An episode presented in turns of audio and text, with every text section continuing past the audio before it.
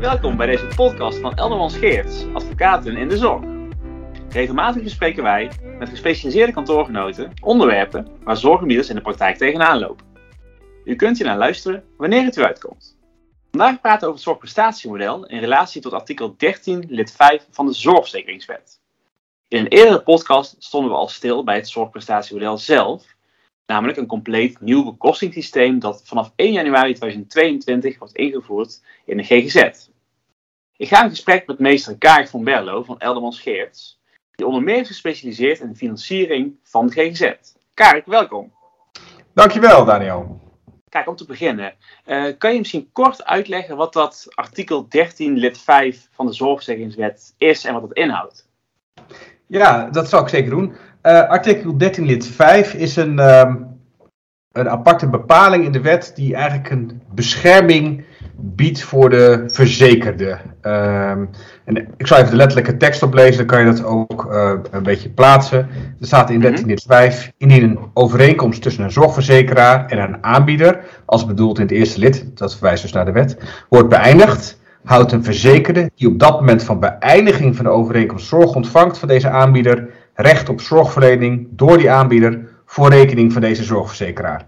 Ja, best wel complexe tekst, maar eigenlijk staat daar uh, kort samengevat dat als de zorgverzekeraar en de zorgaanbieder van wie je zorg ontvangt, als daar iets wijzigt, dus de overeenkomst tussen die twee eindigt, dan is dat niet jouw probleem als verzekerde.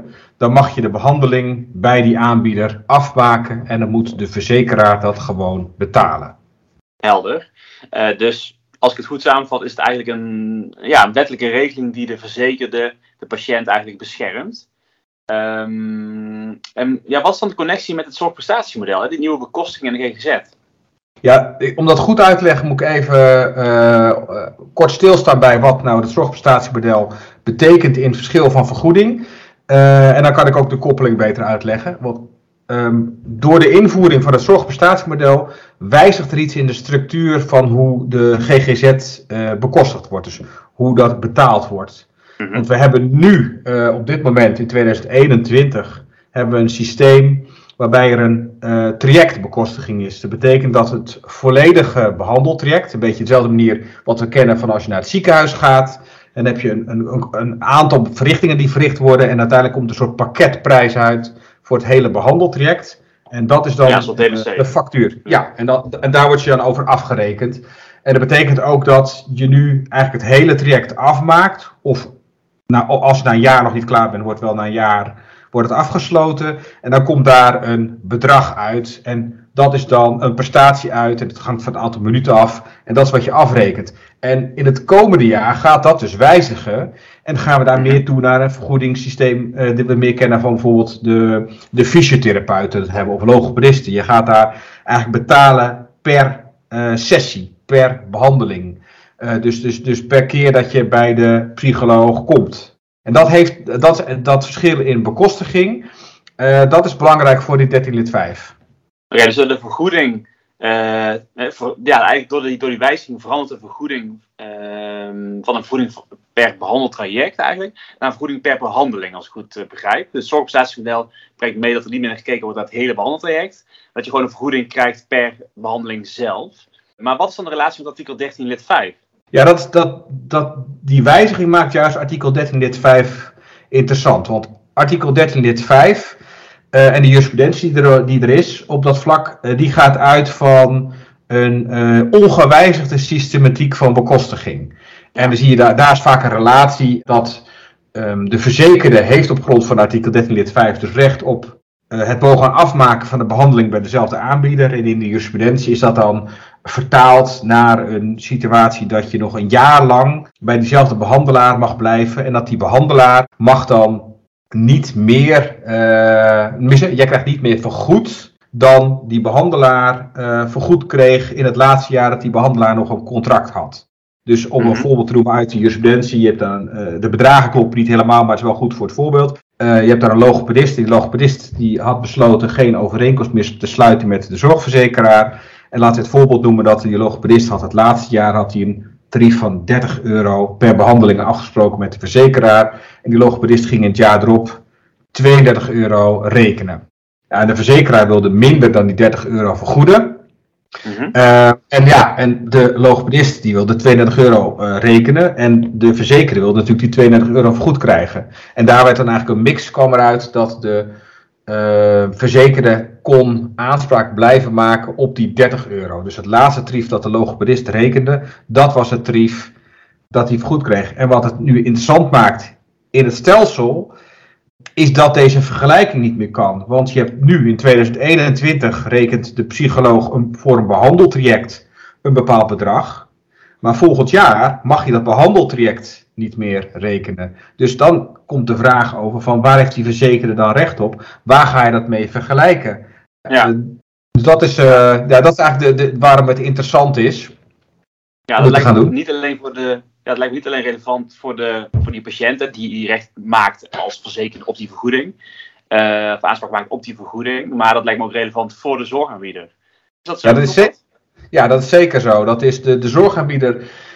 De, de zorgaanbieder heeft natuurlijk zelf ook belang bij wat de verzekerde goed krijgt. Want ja, de verzekerde kan het vaak niet zelf allemaal betalen. Dus wat de zorgaanbieder kan, wordt uh, beïnvloed door wat de verzekerde uh, vergoed krijgt. En zeker ook in, uh, in de situatie die ontstaat, is dat door een wijziging van een stelsel kan ook eerder een situatie ontstaan dat je wat eerder discussie krijgt over de inhoud van het contract. En als een zorgaanbieder geen overeenkomst meer heeft en er wil wel betaald worden, dan wordt die vergoeding uh, bepaald door wat de verzekerde krijgt. Mm. En daarom is het wel belangrijk om, uh, om stil te staan bij artikel 13 lid 5.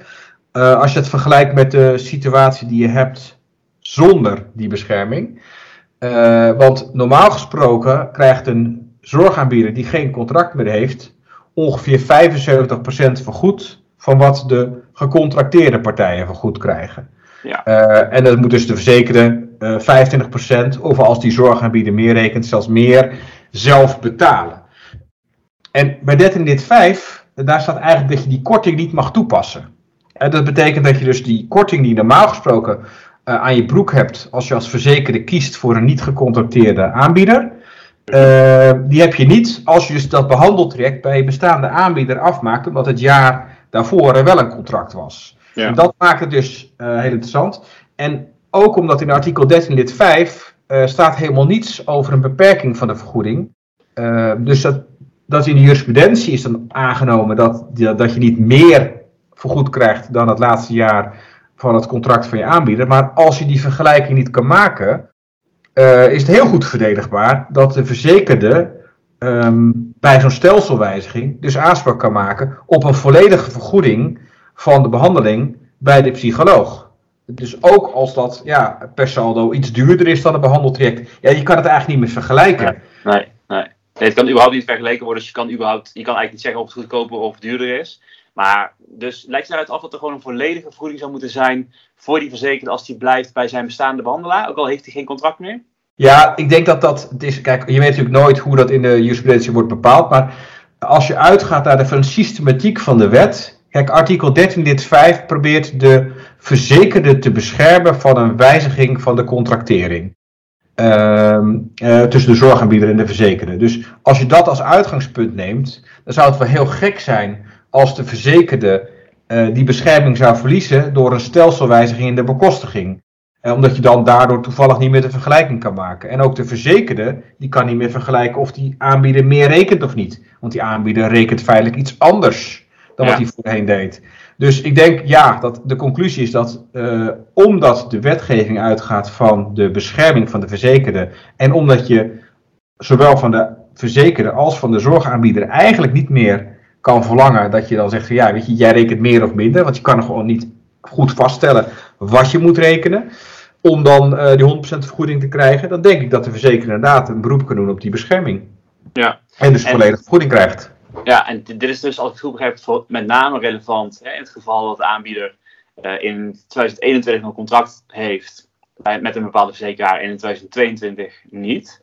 Uh, ik kan me voorstellen dat dat ook relevant is voor de, ja, voor de praktijk en met name deze periode hè, waarin er gecontracteerd wordt met tussen verzekeraars en zorgaanbieders. Zeker, zeker. Je ziet ook dat juist vanwege die stelselwijziging is, loopt het soms hier nou wat stroef qua contracten. Het is uh, voor beide kanten natuurlijk lastig om in te schatten wat je precies nodig hebt aan budgetten.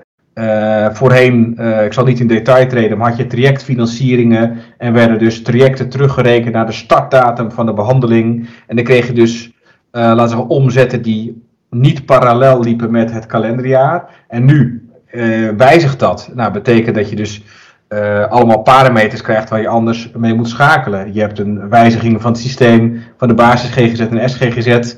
Basis GGZ had vaak geen budgetten, SGGZ wel. Dat onderscheid vervalt, dus nu krijg je ineens dat er wel weer budgetten moeten worden afgesproken. Je ziet gewoon dat er in de markt best wel veel discussie is over de contracten en het helemaal niet zeker is dat dat contract tot stand komt. dus daar juist daar moet je dan wel kijken van als dat lukt, uh, hoe zit dat dan? En juist in die discussie is het voor een aanbieder belangrijk om te weten, wat is het alternatief? Ja, want het is ook op een ander vlak wel van belang, want artikel 13 lid 5 was voor de GGZ eigenlijk nooit zo heel belangrijk, omdat je die lange behandeltrajecten had. En nu, met de stelselwijziging, heb je gewoon vanaf dag 1, uh, dus vanaf 1 januari 2022, uh, word je geconfronteerd met dat iemand het zelf moet betalen. En voorheen had je dan een soort lange uitloopperiode, omdat alles werd teruggerekend naar het andere jaar.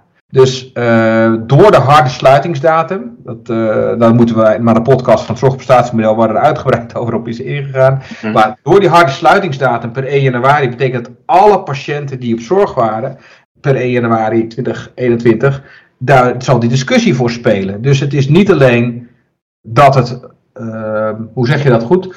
Het is, het is dat je ziet dat de groep patiënten waar dit voor ziet, uh, is veel groter, omdat je nu kunstmatig een hoop patiënten hebt waar de behandeling nog voor doorloopt en dat traject niet is afgerond, omdat je op grond van de nieuwe bekostiging verplicht een knip hebt moeten maken. Dus als je geen contract hebt, is de groep patiënten waar deze regeling voor geldt heel groot. Ja, dat, dat maakt het juist wel interessant. Al je patiënten eigenlijk die je op 31 december 2021 nog in zorg hebt. Ja, ja iedereen, iedereen die, uh, en dat is natuurlijk eigenlijk uh, het grootste deel van je patiënten, omdat de meeste van die trajecten duurden of duren een jaar. Uh, en dan moet er dan een, knip gemaakt worden. En nu moet je dan voor een patiënt die bijvoorbeeld 1 november is gestart, moet je toch al dat traject sluiten per 31 december. Maar ja, die behandeling is nog niet af. Nee. Dus de groep patiënten waar je zo'n doorlopende behandeling hebt, die is heel groot. Uh, en dat gecombineerd met dat er niet altijd overeenstemming is met de verzekeraar over een contract, maakt dat het best een interessante bepaling is die in de praktijk zich wel kan gaan voordoen. Ja, ja ik kan me dat voorstellen inderdaad. Dus als ik het samenvat, uh, hebben we dus die wijziging van de bekostiging. En als gevolg daarvan uh, ja, hebben we geen vergoeding per behandeld traject meer. Uh, en worden ook de oude prijzen niet meer gerekend. En dus is het waarschijnlijk dat de zorgverzekeraar aan bestaande patiënten de kosten volledig heeft te vergoeden. Hè, dat begrijp ik van je. Ongeacht hoe die verzekerde eigenlijk verzekerd is. Of je nou een natuurpolis heeft of een restitutiepolis. En dat het ook nog hè, relevant is voor de contracteringsperiode die nu loopt. Uh, ja, is dat eigenlijk een goede samenvatting? Zeker, dat is heel beknopt en, en kort samengevat. En ja, door de harde sluitingsdatum geldt dat er dus een hele grote groep verzekerden zal zijn die daarmee te maken zal krijgen. Tenminste, voor zover hun aanbieder dan geen contract heeft gesloten. En omdat het een nieuw stelsel is en er best wel veel discussie is, zijn er ook nog wel de nodige contracten die gesloten moeten worden. Um, en er zullen ook de nodige aanbieders zijn die dus geen contract hebben waar dit voor speelt. Dus iedereen die nu in zorg is bij een aanbieder die nog geen contract heeft met die verzekeraar waar die bij verzekerd is, die heeft te maken met deze regeling. En op zich heeft hij ook daardoor ook wel een bepaalde comfort dat hij niet in een soort zwart gat valt qua vergoeding. Ja, helder. Interessant. Uh, dan kijk, dan sluiten hiermee de podcast af. Kijk, waar kunnen mensen met vragen terecht? Nou, mijn gegevens staan op de website en uh, voor vragen kun je me altijd mailen op uh. Dat is met dubbel O. Oké, okay, dankjewel Karik. Dankjewel.